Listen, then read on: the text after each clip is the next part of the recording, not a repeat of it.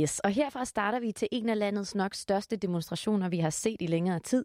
15.000 danskere var i søndag samlet i København i sympati med sorte i hele verden, oven på drabet af George Floyd i Minneapolis i USA for snart tre uger siden.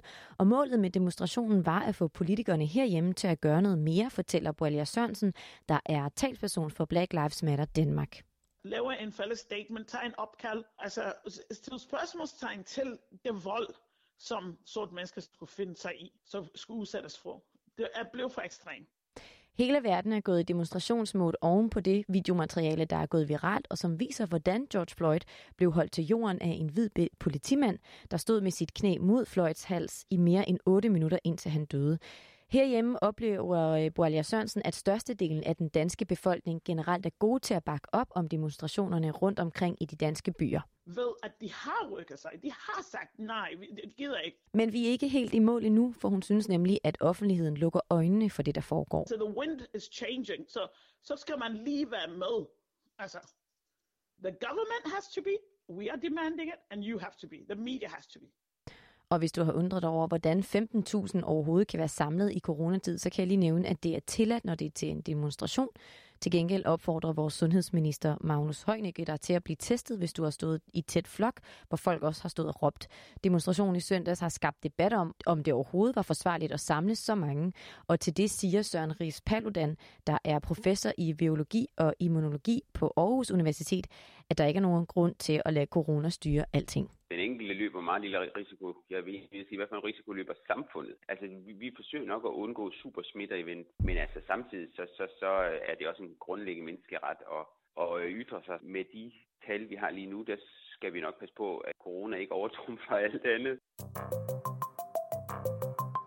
Den her uge kommer også til at handle om noget så småt som en p-pille, men som ser ud til at have større effekt på kvinder, end vi egentlig går og tror. Weekendavisen har nemlig gennemgået en ny undersøgelse, der viser, at den her p-pille kan påvirke kvinder psykisk. Og det er jo ret interessant, når p-pillen er det præventionsmiddel, som flest kvinder herhjemme bruger, hele 300.000. Lene Stavngård, der er nationalchef i Sex og Samfund, har i denne uge snakket med mine kollegaer på feedet om, hvorfor den her lille pille er så populær det er et præventionsmiddel, der er yderst sikkert. Det vil mm. sige, det gør det, det skal. Øh, man undgår uønskede graviditeter, og derudover så kan det også have noget at gøre med, at det her det er noget, som man ofte bliver præsenteret for som ung kvinde, når man går op til egen læge. Hvis du selv tager p-piller, så har du måske oplevet, at dit humør svinger ekstra meget. Måske har du ofte hovedpine eller har nedsat sexlyst, for p-pillen har nemlig en række fysiske kendte bivirkninger, men den påvirker altså også vores kvinders hjerner, og her uddyber Lene Stavsgaard, hvordan. Det, der har været frem nu, det er, at man så også kan se, at det jo regulerer nogle andre, både signalstoffer øh, og øh, forskellige øh, altså, øh, hormoner, som for eksempel kortisol. Ja, og lige præcis kortisol er et hormon, der er ret trist at have for meget af. Det kaldes kroppens stresshormon og angriber for eksempel din søvn, din frugtbarhed og dit immunforsvar. Og en af dem, der har kæmpet med p-pillens bivirkninger, er Emma Limner. Der, hvor jeg egentlig begynder at bide mærke det, det med de her voldsomme hovedpiner, øh, hvor jeg simpelthen ikke kan komme ud af sengen. Af den grund tager hun ikke p-piller mere? Så aftog hovedpinen lige så stille, men der gik lang tid, og så der gik langt over et år før, at, at jeg følte, at jeg var helt fri for de gener. I dag tracker Emma i stedet sin cyklus, og selvom der gik lang tid før hun fik droppet p-pillen, så er hun glad for sin beslutning. Jeg kan mærke mig selv på en helt anden måde, og, øh, og så er der jo alt det her med, med sexlyst, med, med stressrespons. Altså jeg, jeg føler virkelig, der er blevet løftet tæppe væk fra mig. Lene Stavngård har i øvrigt et råd med på vejen til dig, der måske har lyst til at droppe p-pillen. Så vil jeg gerne komme med den opfordring, at man prøver nogle andre præventionsformer af, og gerne præventionsformer, der er sikre frem for eksempelvis de naturlige metoder, som ikke er sikre. På Instagram florerer det med gode tilbud på mærkevarer, så hvis du er stødt på en Gucci eller Louis Vuitton-taske til en overraskende god pris, så er det ikke så underligt.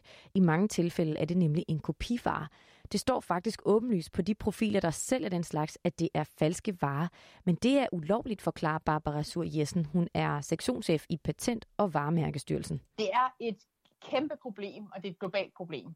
De er ulovlige at handle kopivarer, med kopivarer erhvervsmæssigt, så grunden til, at, at der alligevel er den her store kriminalitet, det er jo også, at der åbenbart er en, en efterspørgsel efter det.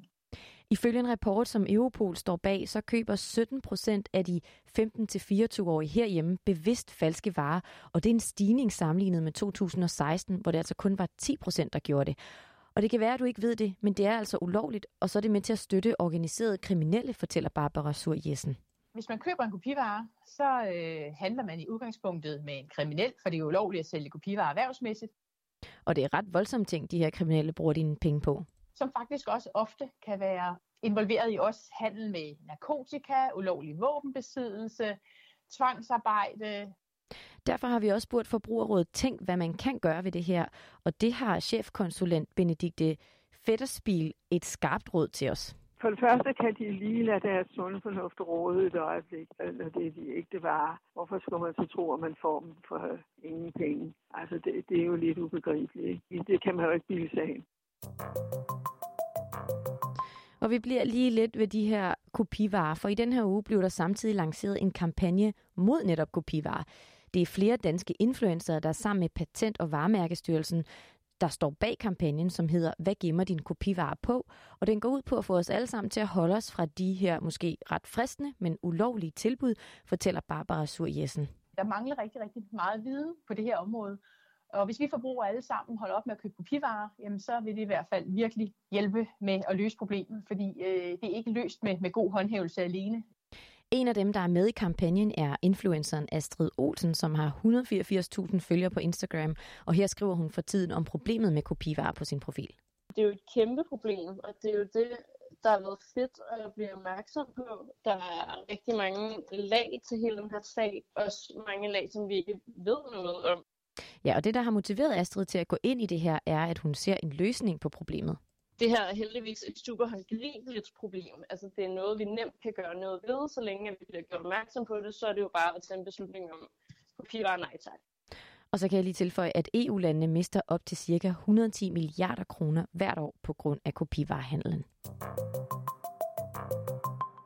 Som den sidste historie i den her uge, har, som vi har fokus på, den handler om unge iværksættere. For en ny rapport viser, at det især er os unge, der vælger at starte vores egen business op. Det er også positivt, fordi vi kan se, at der er mange af de unge, som griber fat i store samfundsmæssige udfordringer, som, som øh, klima, miljø, øh, grøn omstilling. Sådan sagde Christian Wintergaard, der er direktør for Fonden for Entreprenørskab, og som står bag den her rapport. Og det er særligt nordjyderne, der kan noget med unge og iværksætteri.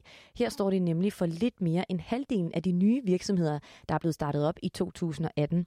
Annie Stavnskær er underviser på Professionshøjskolen UCN i netop Nordjylland, og ifølge hende er en af grundene til, at det går så godt i deres region, at unge tidligt i processen bliver introduceret for nøglepersoner fra arbejdsmarkedet, der støtter dem. Og det er jo dem, der normalt hjælper virksomhederne øh, med, at, med at udvikle sig. I og med, at de kommer ind allerede på uddannelsen, så kan man få hjælp og rådgivning til, hvordan navigerer man i skat, og hvad gør man i forhold til, hvis man skal oprette et CVR-nummer. Daniel Johansen på 21 er en af dem, der tidligt i livet har valgt at forfølge sin idé. Han har stiftet Watery.dk, der sælger svømmetøj, og Daniel er glad for, at han startede tidligt. Hvis man har øh, på noget tidspunkt i livet, hvor man har mulighed for at fejle, så er det sgu, når man er ung. Så det skal man bare gå i gang med. Ja, og fordelen ved at være ung iværksætter er, at du har et sikkerhedsnet, for hvis din virksomhed ikke tjener det vilde i starten, så har du din SU i ryggen. Så dermed kunne jeg bruge alle min tid og alle mine kræfter osv. i virksomheden, uden at behøve at få noget løn. Og det kan man jo gøre helt under op, også under universiteter osv. Så, videre. så jeg synes, det er oplagt, at man starter tidligt og får noget erfaring. Daniel Johansen var kun 17, da han startede, og det gør det blandt andet svært at starte egen virksomhed op, for når man er under 18, skal man have en speciel tilladelse, og det fik Daniel aldrig, så han måtte være lidt kreativ. Så det endte med, at jeg slet ikke måtte få lov til at stifte en virksomhed til at starte med. Og løsningen blev så, at min far han stiftede øh, virksomheden for mig, og så har jeg så senere hen overtaget den. Jeg tror, der er mange unge, der stopper allerede der, simpelthen fordi, at de ikke kan få lov af staten, hvilket jeg synes er mega underligt og mega øh, ærgerligt. Ja, derfor så håber han, at politikerne vil se på at gøre det lettere at starte egen virksomhed op for unge. Og netop det leder mig videre over en anden vinkel på det her, for noget andet, man kunne gøre for at hjælpe unge iværksættere, er ved at øge fokuset på kvinderne.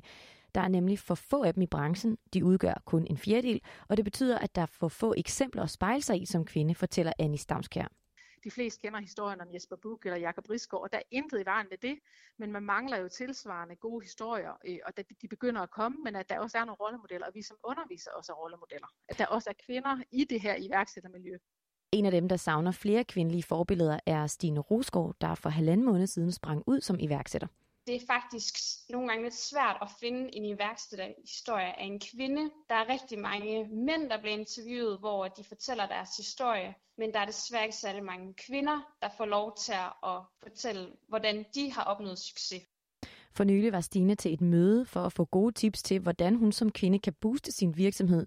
Og det svar, hun fik, er måske et godt billede på, hvor svært det kan være for, for en kvinde i den her branche det, som hele mødet egentlig endte med, det var, at jeg egentlig gik derfra og havde fået at vide, i hvert fald fem gange under det her møde, at hvis jeg gerne ville vækste min virksomhed, så skulle jeg vise noget mere hud. Stine efterløser, at de kvindelige iværksættere, der så allerede findes i branchen, taler højere om deres erfaringer. Jeg kunne godt tænke mig, at der var flere øh, foredrag. Jeg kunne godt tænke mig, at der blev sat mere fokus på, hvad for nogle fordele der også er ved at være kvindelig iværksætter. Og med det runder vi denne uges nyhedskollektion af. I næste uge er vi tilbage med en frisk ny opsamling til dig. Tak for nu.